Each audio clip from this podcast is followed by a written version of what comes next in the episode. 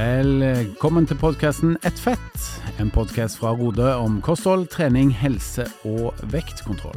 Mitt navn er Henning Holm, og jeg gleder meg til å ta deg med på en reise gjennom livsstilsendringens verden med aktuelle gjester. Velkommen tilbake til podkasten Ett fett. Henning er på plass og har med seg en hel bøling av folk her. Eh, dere er jo godt kjent med de alle sammen. Halvor, velkommen. Eh, jeg heter Sven Erik Dahl. det hørtes ganske troverdig ut. Takk. Ja. Og så har vi Sven Erik. Nei, jeg heter Halvor Leivstad. Ok, og så har vi Karoline. Jeg skal ikke late som jeg er noen andre enn meg selv. Og vi må begynne å snakke om noe som jeg vet opptar alle. Kan høres ganske kjedelig ut å snakke om det, men vi må snakke om været. Hva skjedde med været her på tampen av uh, forrige uke? Jeg sto opp, og plutselig var det hvitt igjen. Og så lurte jeg på, er det julaften, eller er det slutten av april? Ja, nei, jeg, jeg, hadde jo, jeg, hadde jo, kassert faktisk snøskuffa fordi at den var ødelagt. Jeg hadde beregna at jeg skulle kjøpe inn en ny en på høsten, men eh, det snødde så mye i oppkjørselen at jeg var nødt til å finne den fram fra søppeldynga mi som er rett utenfor huset, og prøve å montere den på nytt. Så eh, de siste to dagene så har jeg mokka snø ikke mindre enn to ganger i oppkjørselen, og det er altså basically 1. mai. Ja, og det føltes ekstra absurd, siden at eh, noen dager før så sto det 22 grader inne i bilen min da jeg kjørte nedover til Hvaler. Så her har vi store svingninger. Og så har du et godt varmeapparat? Nei, det, det, det, var temperaturen utenfor, altså. Okay. Det, det, var det. Men eh, vi, vi, var ute og sykla i helgen og hadde kortbukse, kortermer. Og noen dager senere så ble fotballkampen til sønnen min avlyst, for det var for mye snø på banen. Så her er det store svingninger. Uh, hvordan var det for deg å ta vinteren tilbake, Svein Erik? Jeg slapp lett unna, for jeg var i Bergen, og der var det sol og sommer. Eh, Oi. Og Bitte litt regn, da, men det var, var, helt absurd å høre at det var så, du, så bilder fra Østlandet der det var full vinter igjen. Så du slapp unna, altså? Jeg slapp unna. Mm. Også med solbrillene på. Ja. Bergen viste seg fra sin beste side. Ja, Karoline, du ble vel glad du, for da var skisesongen ikke ferdig likevel? Det var nesten sånn at jeg måtte gå på ski til jobb den dagen. Nei, vet du hva, jeg er så ferdig med vinter nå, og er så klar for sommeren, så jeg ble ganske deprimert av det hele. Mm. Jeg har jo skrytta og fått tyn for at jeg ennå ikke har gått til jobben, blant annet av deg, Karoline, og det er jo berettiget. Eh, mm. For jeg hadde jo planlagt planlagt lenge å gå til jobben når det skulle bli fint vær, og nå så det ut til å bli det. Men uh, i og med at det nå er vinter igjen, så har jeg da fortsatt ikke klart å gå til jobb, Nei. som jeg har sagt at jeg skal gjøre. Det er ikke vinter nå lenger? ja, det er ikke det. Jeg er litt usikker ennå nå, så nå tror jeg kanskje jeg må vente en uke til før jeg tør. Får, får jeg lov til å være litt ærlig med deg? Vær så god. Det er for dårlig, Halvor. Det er altfor dårlig. dårlig unnskyldning. Ja, ja, ja, jeg tar den. Jeg tar den. Jeg måtte bare si at nå har jeg egentlig en liten unnskyldning. Ikke men har, jeg har visst ikke det likevel. Greit. Men den gode nyheten når været er såpass dårlig, det er at man får brukt mer tid foran skjermen. Man får se på TV, og det har vært et veldig interessant program der som vi skal eh, snakke litt mer om i dag. Og det er jo Helsekost Furuset. Stemmer ikke det?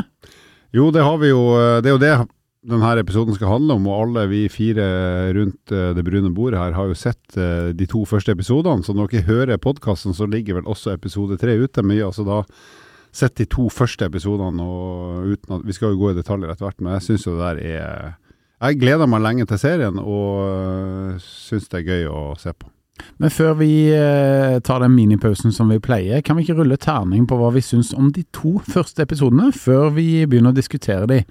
Hva, din uh, terning er jo kjent for å gå til tre, Halvor, og ikke til seks. Men dersom du skal følge resten av verden sitt syn på terningen, uh, hva vil du rulle terningen på så langt? Hvis jeg, hvis jeg får heller bruke skalaen til Kompani Lauritzen, som er alt fra under norm til over norm, så slipper jeg å rulle noe annet enn min tyske terning. Da vil jeg si at denne serien her foreløpig er på litt over norm, som er veldig bra. Ja, Mm. Over norm er det aller beste, men litt over norm er meget bra. Så jeg, jeg er nå på litt over norm. Oversatt til terning så er vel det en svak femmer eller noe sånt. Ikke sant. Ja. Hva med deg, Svein Erik? Altså, Jeg er ikke noe redd for å rulle terning, og jeg må si jeg er stor fan av Else Kåss Furuseth, og det lover godt. Jeg tror kanskje mm. ikke jeg skal gå helt opp på sekseren ennå, for jeg må se de siste episodene, men en soleklar, en sterk femmer, vil jeg påstå. Sterk femmer fra Dahl. Doktor Dahl, som han kalles i visse miljøer. Du da, Karoline? Ja, nå følte jeg meg jo veldig sånn eh, negativ her, for jeg er ikke så entusiastisk som dere. Men det er en sterk firer, eh, det er det. Få mm. komme tilbake til hvorfor eh, senere. Mm. Jeg sier meg enig med Karoline, og så foreløpig terningkast fire. Og med det så tar vi vår lille pause, og så skal vi gyve løs på hva vi syns så langt om helsekost Furuset. Hei, dette er Henning fra podkasten Et fett. Visste du at Rode nå har lansert et medlemskap? Med medlemskapet så kan du gå ned i vekt, holde på vekten, eller rett og slett bare kontrollere at vekten ligger der han skal. Ja, å snakke podkast om ulike TV-programmer, det er ikke det vi pleier å gjøre mest. Vi har gjort det én gang før, når vi gikk gjennom ja, denne Discovery-satsingen, 16 ukers helvete, og, og, fikk jo veldig fine tilbakemeldinger på den pod-episoden. Så vi tenker jo nå at uh, når denne serien her kommer, som er ganske tett opp til hverdagen uh, som vi driver med, da i Rode og hjelpe mennesker med livsstilsendring, og hjelpe dem med kosthold og trening, så er det vel Det hør seg bør at vi skal diskutere helsekost Furuset. Og i skrivende stund, per dags dato, så er det to episoder som har blitt sluppet, og de har vi i panel her, for å kalle oss det. Det har vi kikka godt igjennom. og um, Halvor, kan ikke du, for de som ikke har sett det enda, kan ikke du gi en kort oppsummering av hva serien handler om? Jo, da får dere fylle inn, folkens. Men Else Kåss hun har jo flere ganger i livet prøvd å gjøre noe med livsstil, helse og vekt. Og det er jo helt åpen om, og det har vært åpen om i mange år. Så det tror jeg egentlig hele Norge vet. Og så har hun lyst til å gjøre et skikkelig forsøk til på å eh, komme seg ned i vekt, og så har hun lyst å Eller så har hun invitert oss seere med på det, og så har hun også fått med seg fire andre Kall det helt vanlige mennesker som er i samme eh, situasjon som hun, som også vil komme seg ned i vekt. Så vi får jo et ganske godt og nært innblikk i hva hun har gjort før, hva hun gjør nå, hva som er, har vært problematisk for henne både med følelser og matinntak og aktivitet og de tinga der. Uh, og så skal vi jo følge hvilke ting hun gjør i livet sitt for å kunne gå ned i vekt og primært gjøre noe med helsa si. Mm. Så har det jo begynt i det små nå. Vi har, vel egentlig, vi har vel ikke sett så mye av hva de skal endre på, men vi har fått ta del i et siste måltid med gjengen, der de koser seg liksom siste dagen før de liksom setter i gang med prosjektet. Og så eh, er vi vel så vidt i gang med tiltakene nå i episode to. Nå må dere fylle meg inn, eh, Karo og Svein Erik. Ja, og egentlig veldig godt uh, oppsummert, Halvor. Det handler jo om uh, hennes vei til et bedre liv og økt livskvalitet. Og så må jeg si at jeg berømmer henne veldig for å være så ærlig som det hun er. Hun er veldig åpen og ærlig om et uh, skambelagt og tabubelagt tema, dette her med å overspise. Hun eh, innrømmer at maten for henne er et fristed, det er en trøst. Hun bruker den til å kontrollere følelser. Hun snakker om dette her med at uh, om de mørke timene på kvelden spesielt, at det er et vanskelig uh, tidspunkt for henne. Og det syns jeg er veldig flott og sterkt av henne, at hun tør å stå såpass fram med dette her. Og så Hvis jeg må fylle inn en ting. Hun har jo brukt kroppen sin og mat og vekt. hun er jo en humorist, altså en komiker. Jeg må innrømme at jeg syns hun er utrolig morsom. Jeg ler meg skvett i hjel av henne nesten uansett hva hun gjør. Men det, i, det som slår meg i denne serien her, er at hun mer eller mindre tvinger seg sjøl, eller blir tvunget til å ikke, ikke lage humor av sin egen helse og kropp.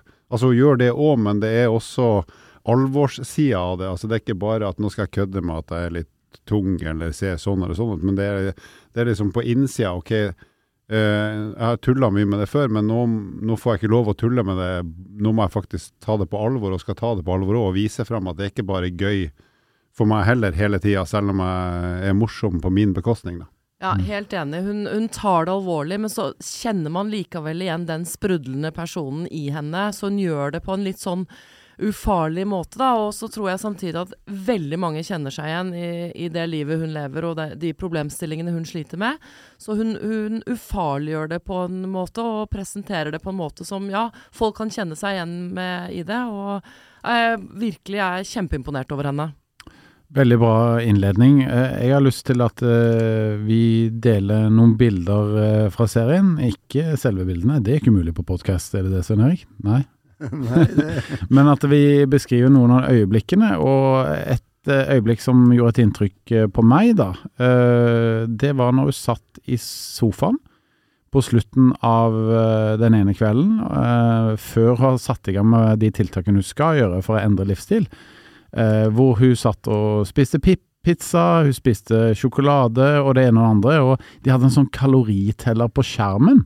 Så du kunne følge med på hva dette faktisk betydde, da, i form av energien som hun putta inn i kroppen. og eh, Du ser at den her tikker jo forbi 3000 kalorier, 4000 kalorier, 5000, 5005 osv. Og når man da ja, sitter og observerer dette og får tallene opp på samme tid, det, det, var ganske sånn sterkt øyeblikk. For det, det, er så synlig i det øyeblikket at hun er litt lei seg, hun er litt trist, og at hun bruker maten på den måten. Det, det syns jeg var faktisk ganske sånn sterkt TV-øyeblikk. Kan være at jeg er påvirka over at jeg er en fagperson jeg òg på temaet, men eh, den satte seg litt inn, den prenta seg litt inn hos meg. Helt enig, Henning. Og, og det, det, er jo ikke sant, det, tror en person som Else Kåss Furuseth kan gjøre det på den måten. For ja, hun, hun, er liksom så likende, hun er så folkelig. Og, og, det at hun viser seg sårbar på den måten der, det, det tror jeg gir en ekstra effekt. Men det, når du, når du snakker om det med bilder da, fra, fra serien, altså det jeg syns var morsomt, da, jeg, jeg syns det er veldig mye humor der.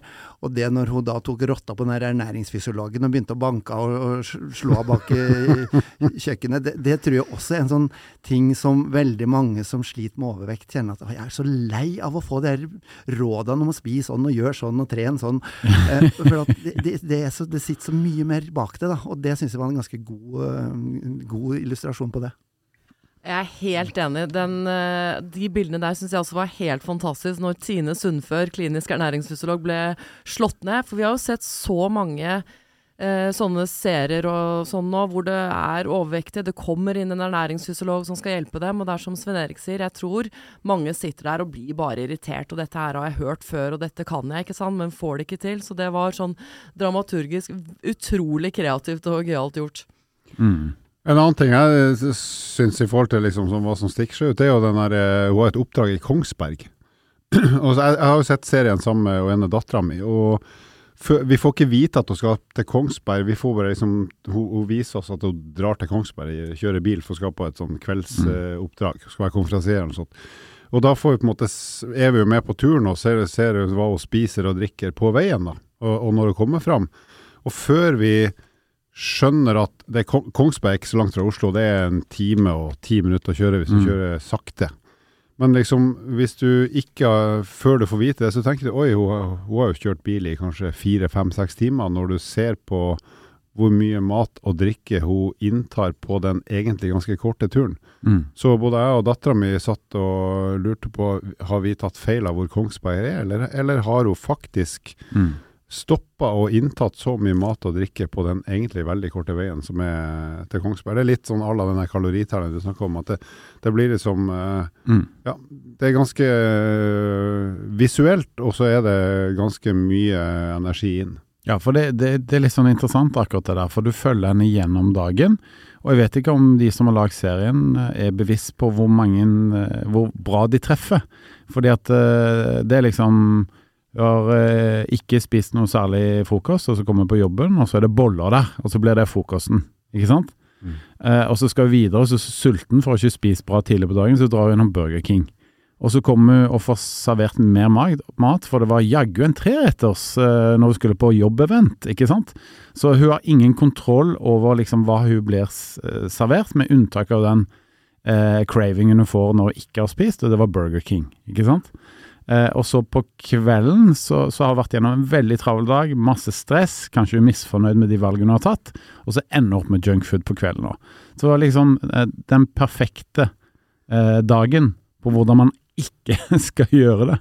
Jeg vet ikke hvor gjennomtenkt det var, da, men, men eh, kaloriene de løper jo bare på når man har en sånn dag på hælen, da, og man bare blir servert ting. Og det der tror jeg også er et veldig godt poeng, for jeg tror veldig mange kjenner seg igjen i akkurat det med stresspising. Altså Jeg kan tenke meg at Else Kåss Furuseth har en veldig sånn travel eh, hverdag, har masse oppdrag både i hissen og pissen. Og, og jeg tror vi, vi vanlige dødelige skulle si, kjenner oss igjen i det. Når, er, når, det er mye stress rundt oss, så mm. har ikke vi nok tid til å planlegge matinntaket. Og da blir det litt sånn i hyrten og styrten eh, og kjappe løsninger, som gjerne er veldig sånn impulsive og veldig dårlige valg. valg. Og en annen ting som jeg syns er, er også veldig illustrerende ut fra de to første episodene, er at det er tydelig at hun har eh, etablert eh, noen sånn dårlige vaner, da. Når jeg kommer hjem og er sliten, så er det noen dårlige vaner som, og, er kanskje litt ensom og lei seg, eh, så er det da veldig lett å ty til mat som trøst. Og det er en sånn ganske vanskelig å, å, å endre på den vanen, altså. Ja, og fint at du er åpen og ærlig om det, for jeg tror at det er veldig mange som har det sånn, som, som kanskje ikke snakker så mye om det som, som Else gjør. Altså, så hun, at hun tør å åpne opp, det er nok eh, en fin ting for veldig mange. Og Hun sier jo eksplisitt at det at hun ikke bor sammen med noen, gjør jo at hun har ingen som kan se på henne hvis hun skal til kjøleskapet, eller Mm. en eller annen faktor som er i rommet som hun kan på en måte, om ikke ta hensyn til, så i hvert fall vite at ok, det er ikke bare jeg. Så, altså et slags filter, da, bare det å være i nærheten av et annet menneske, som gjør at i hvert fall sånn som hun sier det, at det gjør at uh, når hun har lyst til å gå til kjøleskapet, så går hun til kjøleskapet. Det, Mm. det, er ikke noe, det er ikke noen det er ikke noen elementer i rommet som gjør at hun uh, lurer på det, hun bare gjør det. Sånn som jeg skjønner det i hvert fall. Mm. Og der også merker jeg at det er veldig mange av kundene våre på rodekurs også, men det er, liksom, det er to grupperinger. Da. Det er dem som spiser når de er alene, og så er det dem som spiser når de er i sosiale settinger. Som har en tendens til å spise for mye når de er sammen med andre, mens de aller fleste tror jeg som sliter med litt mer sånn alvorlig overspising, og kanskje til og med overspisingslidelse, de gjør det gjerne i det skjulte, altså mye skam, eh, og det, da kommer maten på bordet når ingen andre ser dem. Mm. Eh, og vi hører jo også eksempler om folk da som går i butikken og handler på forskjellige butikker, for de skal bare, vil ikke kjøpe mer enn én sjokolade i hver butikk for å ikke bli avslørt for å spise for mange sjokolader og sånn. Så det, det er mye sånn, og det kommer litt fram i denne serien her, at det er liksom mye skambelagt eh, spising. Da. Det er Mm. viktig at det blir satt eh, fokus på, altså. Nå fikk hun jo heldigvis ikke diagnosen overspisingslidelse av uh, Gøran Hjelmeset, men uh, apropos det å spise mye alene, og hun innrømmer at hun gjør det, så syns jeg det var veldig søtt og artig det at hun brukte, eller har Gøran Hjelmeset som skjermsparer på Ja. telefonen sin, og et bilde av han i, på kjøkkenet. Og er spent på å se hvilken effekt det vil ha. Ja, Hvis det er motiverende, altså han er jo veldig flink, men eh, hvis, jeg vet ikke om hun gjør det for å bli motivert eller skremt. Men eh, det er vel et, det er vel et snev av humor der iallfall. Ja, nei, men altså, vi har alle godt eh, av å i en sånn livsstilsendringsprosess å ha noen å rapportere til. Eh, så det at hun dro på besøk til eh, ja, sykehuset i Vestfold, til Tønsberg, og, og fikk en god gjennomgang med Gjøran, da, som en av landets fremste eksperter, definitivt. Så det var jo litt morsomt da å høre hva han sa. Hun fikk vel hun fikk vel eh, tilbakemelding på at det var vel ikke noen overspisingslidelse som, som hun hadde, da. Um, som det virker som hun var litt letta for. Mm. Ja, nei, hun uh, har ikke det, og hun har jo, var jo ikke i nærheten av å få disse sant, sykdommene og tilstandene som ofte knyttes opp mot overvekt. Diabetes type 2, høyt blodtrykk uh, osv. Så, videre. så hun uh, har jo en eh, Hun har jo en sunn kropp, men eh, hun er i en stor kropp, og det kan jo gå mer galt etter hvert, selvfølgelig, hvis hun ikke gjør noe nå.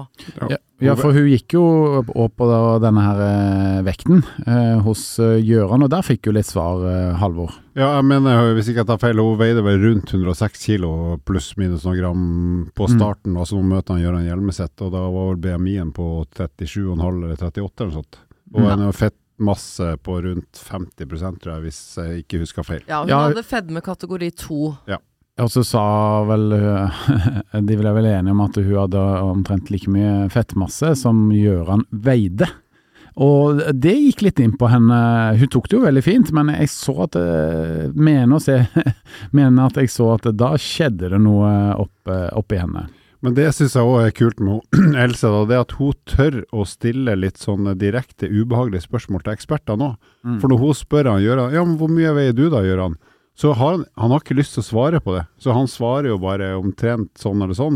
Men jeg tenker herlighet, det er jo samme med Tine Sundfør når hun får litt sånne direkte spørsmål om hva hun driver med. Så Mm. kan du ikke bare svare, da? Altså, Mm. det at du er ekspert betyr jo ikke at du skal være et perfekt menneske, men det er jo mye kulere når si, Hvis vi er i ekspertrollen, eller noen andre som er eksperter, blir spurt om ting som er som angår oss sjøl, så kan vi ikke bare være ærlige, istedenfor at vi skal pakke inn et eller annet sånn ullent svar for å ikke utlevere oss sjøl. Eh, når andre folk ber om hjelp og også tør å være åpne, så tenker jeg at det hadde vært litt kult. da. Jeg er helt enig, og det er derfor vi har valgt å snakke om hvor eh, hva skal jeg si, ræva vi er på å spise grønnsaker, Halvor. Dessverre så er jo det faktisk sannheten, ja. Ja. Absolutt. Men eh, eh, hva tenker vi om eh, Nå har vi snakket ganske mye om episode én, og så går serien den ruller videre inn i episode to, og så får vi møte disse andre menneskene. Vi får møte de på slutten av episode én, men, men det var mer inntrykk av de i episode to. Og der eh, var det vel en av deltakerne som gjorde et spesielt inntrykk på deg, Sven Erik, var det ikke det? Ja, jeg likte han eh, kokken. Uh, han var jo veldig eh, Også litt sånn i, i samme stil som Else, veldig sånn sårbar på at han også var ensom, uh, ønska seg en kjæreste og litt sånne ting, men han slett med det. Og så syns jeg han bød veldig på seg sjøl, den der burleskdansen. Den, den episoden der var kanskje litt på kanten, men jeg, jeg syns den var faktisk veldig morsom. Litt sånn eh, Sånn, hva kaller de kroppspositivisme? Altså det, de fikk jo jubel i salen for å, for å danse den burles- burleskdansen. Jeg har aldri ville ha gått opp på den scenen og gjort, eh, gjort det samme, men, men jeg syns det var De bød veldig på seg sjøl, og særlig han, da.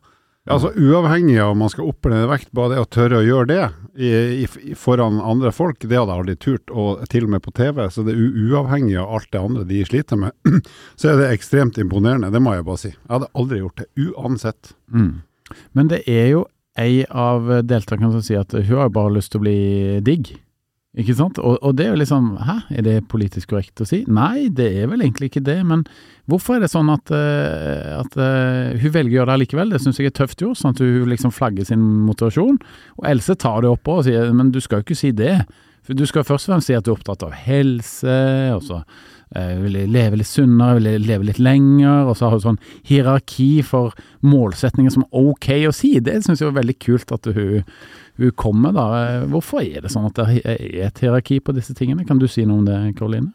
Altså, jeg syns jo det er fint at de måler suksess på andre ting enn bare vekt i denne serien. Og man har jo forskjellig Man drives av forskjellige ting. Man drives av forskjellig Man har ulik motivasjon. Og, og sånn er det bare, og det syns jeg er fint i denne serien, at man er ærlig og åpen på det. Mm. Og så vil jeg trekke fram det at jeg syns det er flott at de er en gjeng som skal gjøre dette her sammen. For det vet vi innen da vektreduksjon og livsstilsendring, at det å gjøre det sammen med andre, det er en kjempeviktig suksessfaktor.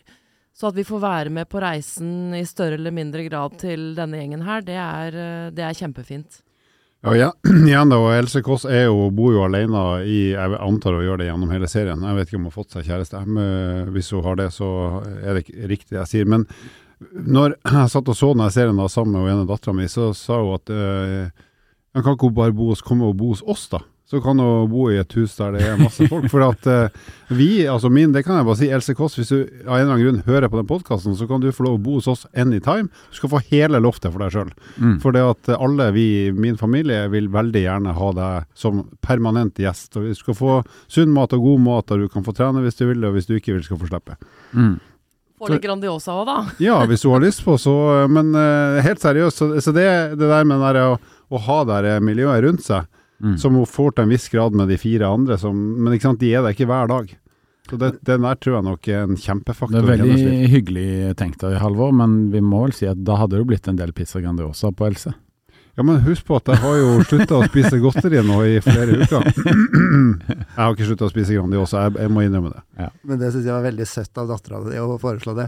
En annen ting som jeg også syns var veldig søtt, når vi er tilbake til hun der dama som gjerne ville være digg eller sexy, Mm. det var det eh, måten samboeren hennes reagerte på det. For han Ja. var veldig begeistra for uh, kroppen hennes, tydeligvis, og at hun, han syntes at hun var veldig sexy. Mm. Men det hjalp ikke, for hun følte det ikke sjøl. Og det, det tror jeg er en sånn ting som også folk kjenner seg igjen i. Du må liksom kjenne det. Altså det, det er min kropp, det, det er hvordan jeg føler meg som er viktig. Og uansett hva alle andre rundt meg sier, så hjelper det ikke hvis ikke jeg føler meg vel sjøl. Men der må jeg bare si, når du, når du setter han samboeren der i den situasjonen der hun sier det, hva i all verden skal han si da?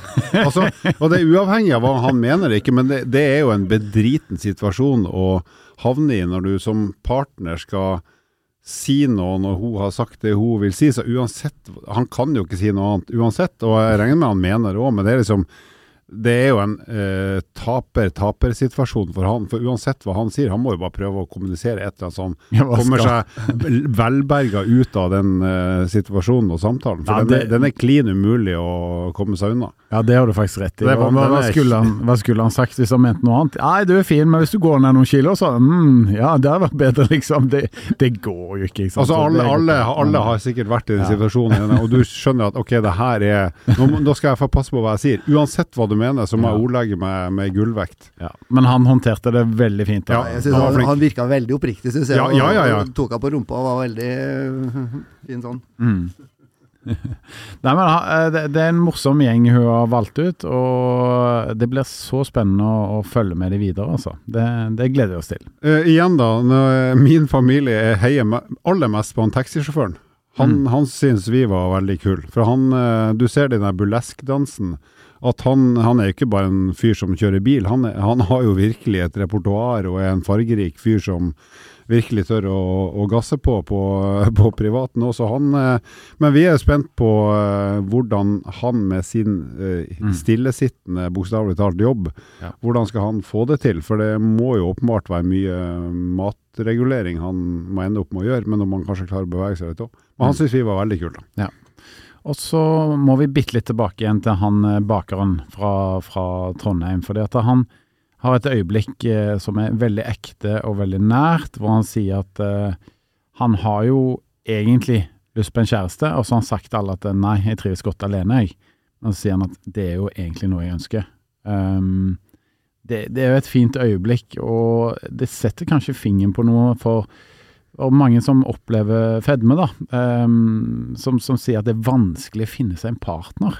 Og han og Else møtes jo veldig på det punktet der. Eh, eh, og så har hun, eh, Else, hun har et intervju med Frode Tuen, eh, som er psykolog, som forteller litt om dette med det høres helt feil ut, men det er det, uttrykket han snakket om, og, men sammen med en kollega av seg, når han snakker om dette temaet, må si at markedsverdien eh, den synker liksom litt, da. Ja, altså hvor, Eh, attra jo- ja, jo hvor attraktiv man er. Ja, det var uttrykket som ble brukt. Og det, det, er, det er utrolig trist, da, for det er jo ofte flotte og fine mennesker, eh, dette her, så, som, som da sliter litt med, med å skaffe seg en partner.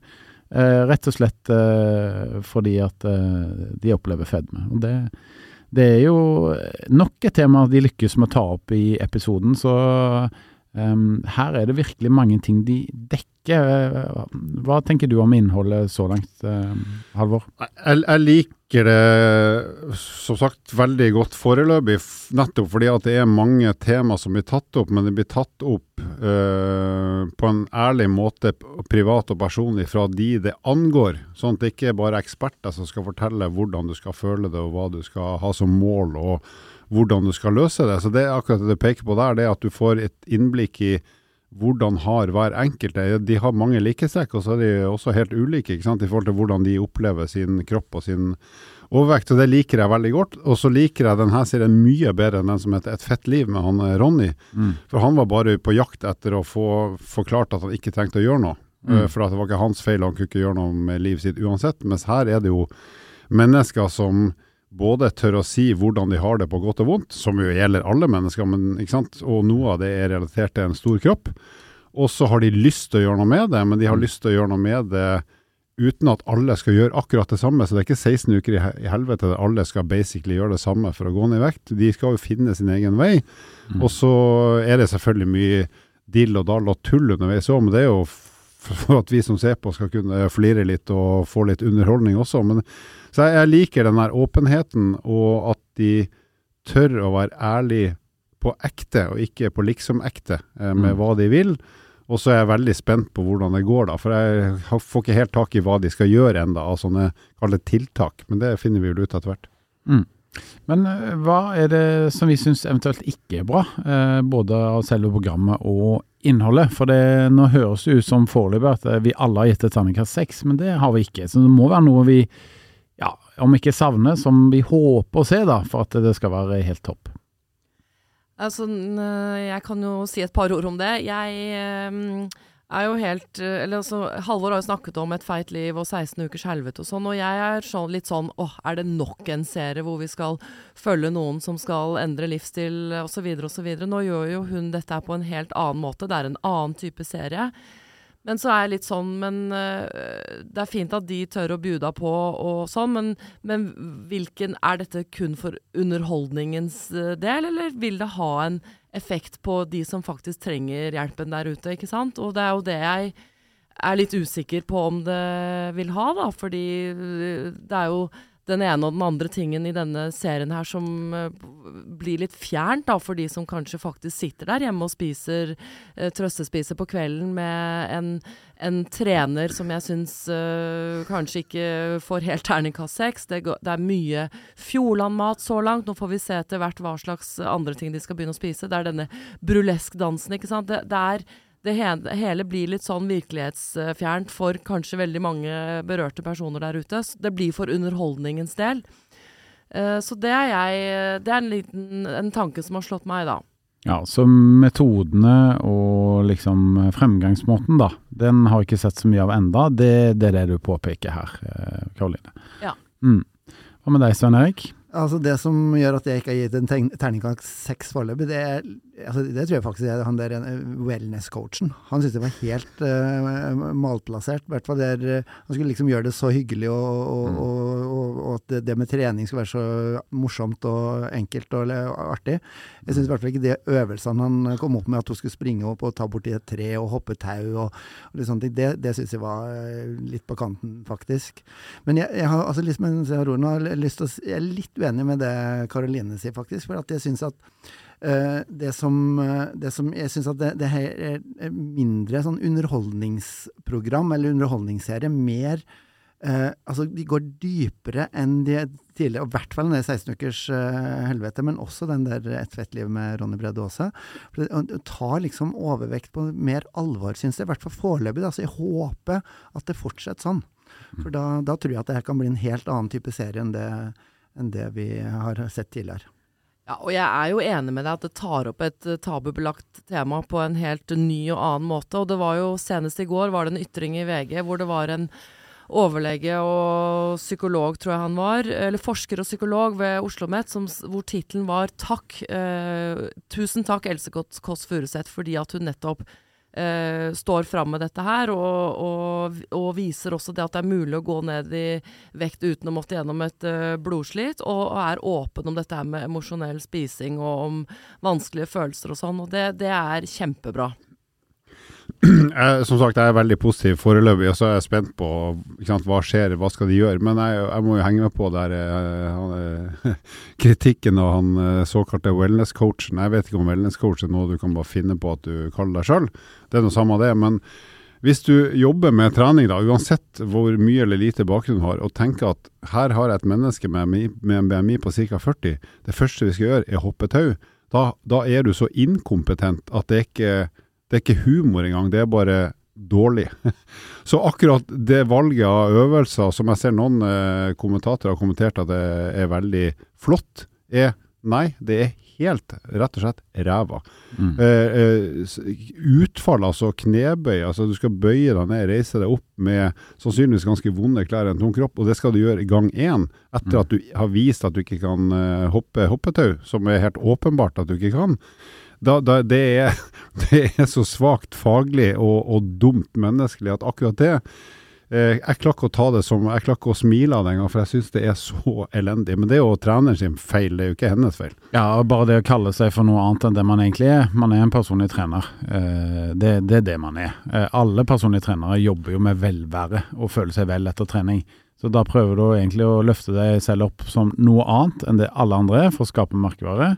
Det er nummer én. Og øvelsesutvalget var ganske svakt, altså, til å være en nybegynner. Og jeg er ikke sur for at han er, mye, at han er kul og er åpenbart veldig hipp på Instagram. Det er ikke derfor jeg syns det her var dårlig, men det er rett og slett det han, det han presterer å levere mm. av tjenester til henne, iallfall i starten, syns jeg er svakt. Mm. Og det er jeg også helt enig i. Vi har jo kurs hos oss med, med trening, aktivkurs, og vi ville jo aldri satt noen av våre medlemmer med fedme grad 2 til å hoppe hoppetau.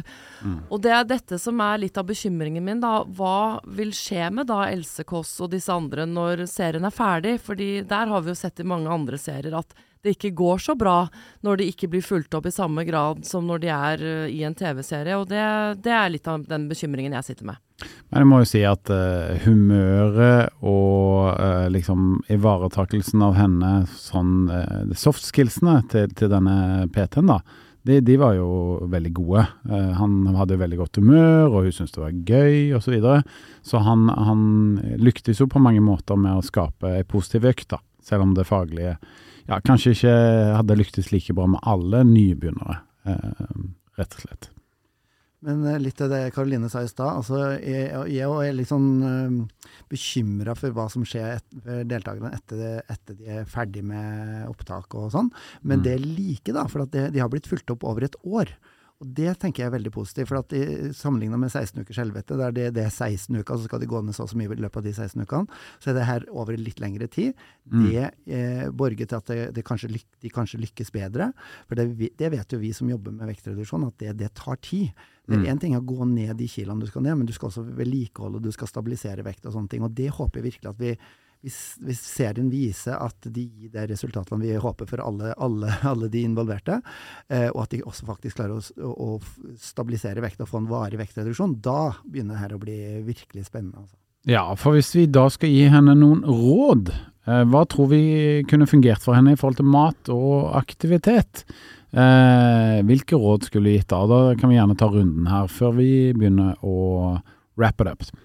Da tar jeg aktivitetsdelen fordi jeg er så dårlig på mat sjøl, privat, personlig og generelt, så det skal jeg holde meg unna. Men eh, jeg ville sett hjulpet henne med å finne muligheter, muligheter, til å gå hver eneste dag. Ikke bare hver dag, men også lørdag og søndag. For i og med at hun er singel, så har hun sannsynligvis mer tid enn veldig mange andre. Blant annet de andre fire eller noen av de andre i den serien. Så jeg tror hun har mulighet til å gå litt mer hver dag, eh, kanskje opp mot en hel time hver dag. Og at det skal være hennes primære aktivitetsmål. At hun skal på en eller annen måte få, få godt brukt beina sine én klokketime i løpet av dagen. Det trenger ikke å være sammenhengende, men kan seks ganger ti minutter. Det tror jeg hadde vært mitt viktigste råd. Og så bare slutt å hoppe tau, for det, det gir deg ingenting. Mm. Du må nesten forklare hvorfor det ikke gir så mye, da. Ja, For det første For det, det, er åpenbart for oss. Ja, Hun får det jo ikke til, det er det ene. Men, men det å, å hoppe bitte litt tau, hvis du klarer å hoppe tau i ett minutt, så er jo det fint, det. Men, men det er så lite at uh, mm. kan du si forbrenningseffekten av det er jo basically ingenting. Og du får ikke noe sterkere hjerte av det heller. Du blir, blir litt mer spenstig og får bitte litt mer styrke i mm. rumpe og lår, men sånn liksom effektmessig så gir det fint lite i forhold til f.eks. For å gå i en motbakke eller gjøre andre ting. Akkurat. For det at når vi kommer med litt sånn uh, konstruktiv kritikk av denne PT-en så er det lett å si liksom, men det skjønner kanskje ikke alle, fordi at det så ut som det var vellykka. Ja, men det, med, et fag, med et fagøye så er det kanskje ikke det mest optimale. Ja, så Hadde jeg vært trener til Else Kåssa, nå er jo ikke jeg så kul som hun er, så hun vil nok ikke valgt meg, men da hadde jeg rett og slett tatt henne med på en gåtur. Da, mm. altså Første gang vi møttes, så tapper jeg Hun hadde jo på seg et ganske kult antrekk.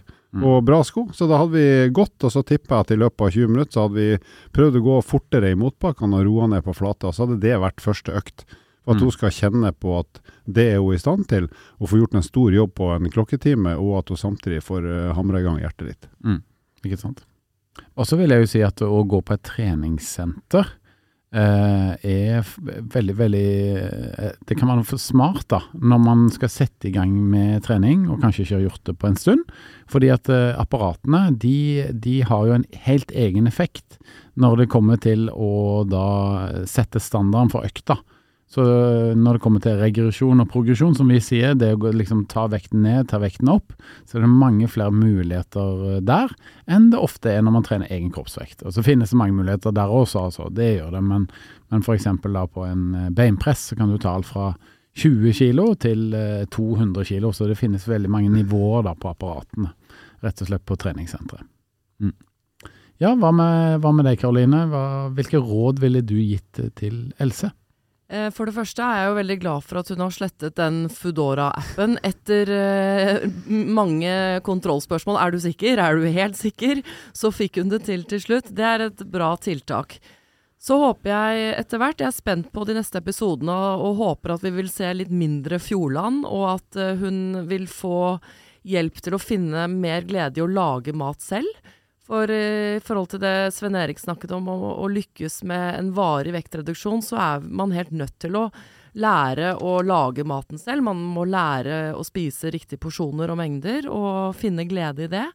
Så jeg håper at hennes eh, kjøleskap etter hvert vil eh, få mye mindre væske i seg, slik det er fullt med nå. Men eh, inneholde mye sunn og god næringsrik mat som hun syns det er gøy å kokkelere med, og som hun trives eh, å spise i passelige mengder. Mm. Svein Erik, har du noen eh, tips til Else? Uh, altså Jeg syns det er litt vanskelig å gi noen sånn konkrete råd både til Else og til resten av gruppa. Uh, og det handler om at jeg tror de alle sammen vet hva de burde ha gjort. Både mm. når det gjelder trening og når det gjelder kosthold. Uh, jeg tror kanskje at det her er en serie som handler mer om hvordan du skal behandle følelsene dine og det, det mentale rundt overvekstproblematikken. Så jeg, hvis jeg skulle ha snakka om noe Hvis noen av de her hadde kommet på kurs til meg, da, så ville jeg ha begynt å, å og snakka litt om det med å, å oppleve mestring. Sant? At uh, du skal prøve å legge om noen vaner, kjenne på at ok, det her er noen vaner som jeg faktisk mestrer å legge om. Og så faktisk begynne å tenke på og, og, jobbe med at det her er van, nye vaner som jeg begynner å like. Jeg vil heller ut og gå den turen med Halvor enn å sitte i sofaen. Mm. Uh, at jo flere ganger du gjør det og trener på å kjenne at det her er noe jeg har lyst til For jeg tror, jeg tror Man får ikke det å legge om en livsstil med mindre det, det blir man ser at de nye vanene er noe du heller vil ha, enn å falle tilbake på de gamle. Og da må det jobbes kontinuerlig, og det må jobbes lenge, og du må være tålmodig, og du kommer til å få tilbakefall. Så hvis jeg skal gi dem et råd, da, ut ifra det som jeg, lille har sett nå, så er det liksom vær tålmodig, tror jeg faktisk. Mm. Og det er helt riktig, Sven Erik. Og jeg tenker at for mange her så er det nok en kombinasjon av det alt vi tre sier. Ikke sant? Man må tenke trening, man må tenke kosthold, og man må tenke topplokket, det å være tålmodig. Men jeg tror en annen ting som også er veldig viktig for denne gjengen her, er å finne eh, en annen måte å regulere følelser på, som ikke består av mat. Og virkelig sette seg ned. Og det er jo ikke noe fasitsvar på hva det kan være, men eh, det kan være alt fra å gå en tur, ringe en venn, eh, gjøre noe som gjør at du får avledet de tankene som går mot maten, da. Det er et uh, godt uh, hjelpemiddel. Ja, jeg må jo si det at i forhold til eh, det å, som du har skrevet mange artikler på på Rodemagasinet, Karoline, det å spise sunt eh, gjør jo ofte at man føler seg bedre òg. Eh, og i tillegg til det, så er det å trene det har jo dokumentert effekt på at eh, du faktisk blir i bedre humør, og, og, du da, Ja, det utskilles masse hormoner som gjør at jeg føler meg bedre, så det, løsningen er jo litt enklere her enn man gjerne skulle tro. Ja, og det som er fint med den sunne maten, det er jo at den opptar plass i magen, som gjør at det blir mindre plass til annen usunn mat. Kan jeg komme med en betraktning eh, etter å ha sett programmet og for så vidt fulgt denne eh, vektdebatten eh, i særlig de siste månedene? Det slår meg én ting, eh, og det er Eller det blir vanskeligere og vanskeligere å snakke om vektreduksjon. Mm. Det blir vanskeligere og vanskeligere å snakke om fedmeproblematikk. Eh, for, så Jo mer jeg hører på andre debattere, jeg er veldig forsiktig med å mene så mye på Facebook og Instagram sjøl, for at det, det, er så lett å trø feil. Eh, ikke i hva man mener, men hvordan man kommuniserer. For det, sant? Et spørsmål her er ok, hvordan skal du kommunisere og snakke om vektreduksjon hvis du sjøl er stor? Da har du egentlig ganske stor frihet, for du er liksom i samme båt sjøl. Ikke mm. Men hvis du ikke er stor nå, men har vært det før, kan du da være like fri som en som er stor nå? Altså f.eks. Svein Erik. Og så har du sånne som undertegnere som er provoserende ikke store, ikke sant. Hvis du ikke har vært stor, øh, og ikke er det nå, aldri har vært det, hvordan kan du da få lov å snakke om vektreduksjon? Mm. Sånn, det er jo, Else Kåss er jo litt inne på det her med særlig å kommunisere hva er det hva slags mål har du lov å ha? ikke sant? Du har lov å si at jeg vil føle meg digg. Nei, det har du egentlig ikke, men du gjør det likevel.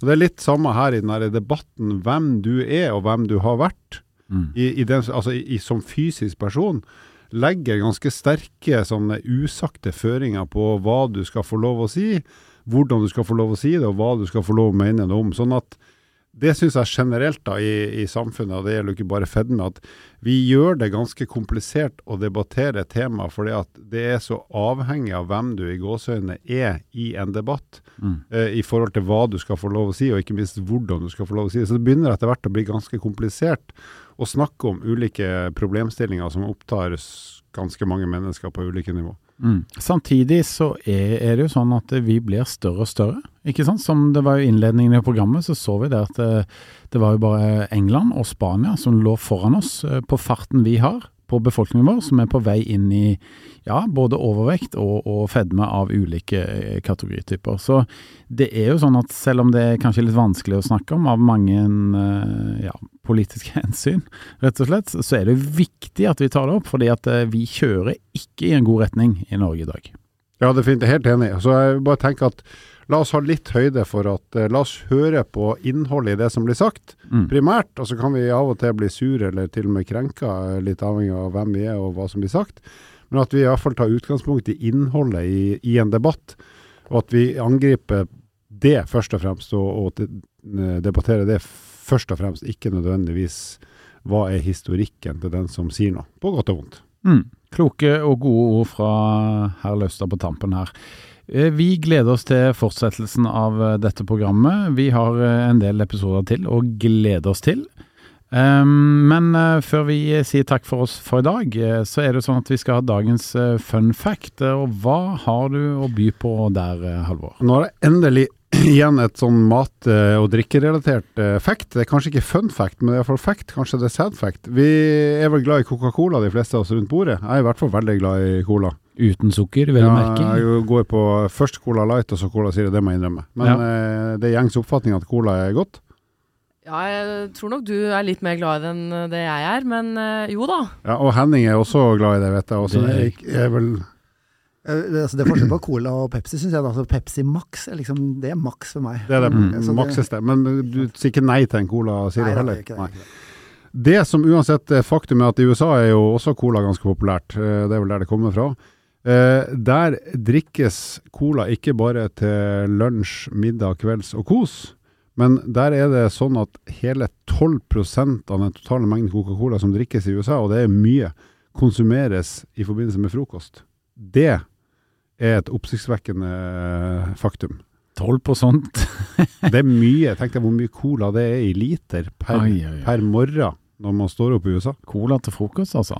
Nei, det jeg er glad i lettbrus, men eh, ikk- stort sett ikke til frokost. Ikke før lunsj. Nei. Jeg tror jeg lar den henge, jeg, og så sier vi det at uh, dette har vært en veldig spennende og ålreit uh, episode. Det å diskutere helsekost Furuset har vært eh, en glede, så eh, vi håper dere følger med videre på programmet. Og så har vi denne Facebook-gruppa vår som heter Ett fett eh, på Facebook, så vær så snill, heng deg med der. Og still oss noen gode spørsmål, eller kom med gode tips til hva vi kan diskutere i podkasten. Ja, og hvis du ikke har sett serien ennå, så ligger den altså på NRK TV. Den går på NRK, så den ligger på nettleseren der. Korrekt. Med det så sier vi takk for oss, og ha ei en fin uke. Takk for at du lytta på nok en episode med podkasten Ett fett. Dersom du er interessert i å lese mer om eh, livsstilsendring, gå inn på Rode-magasinet på rode.com.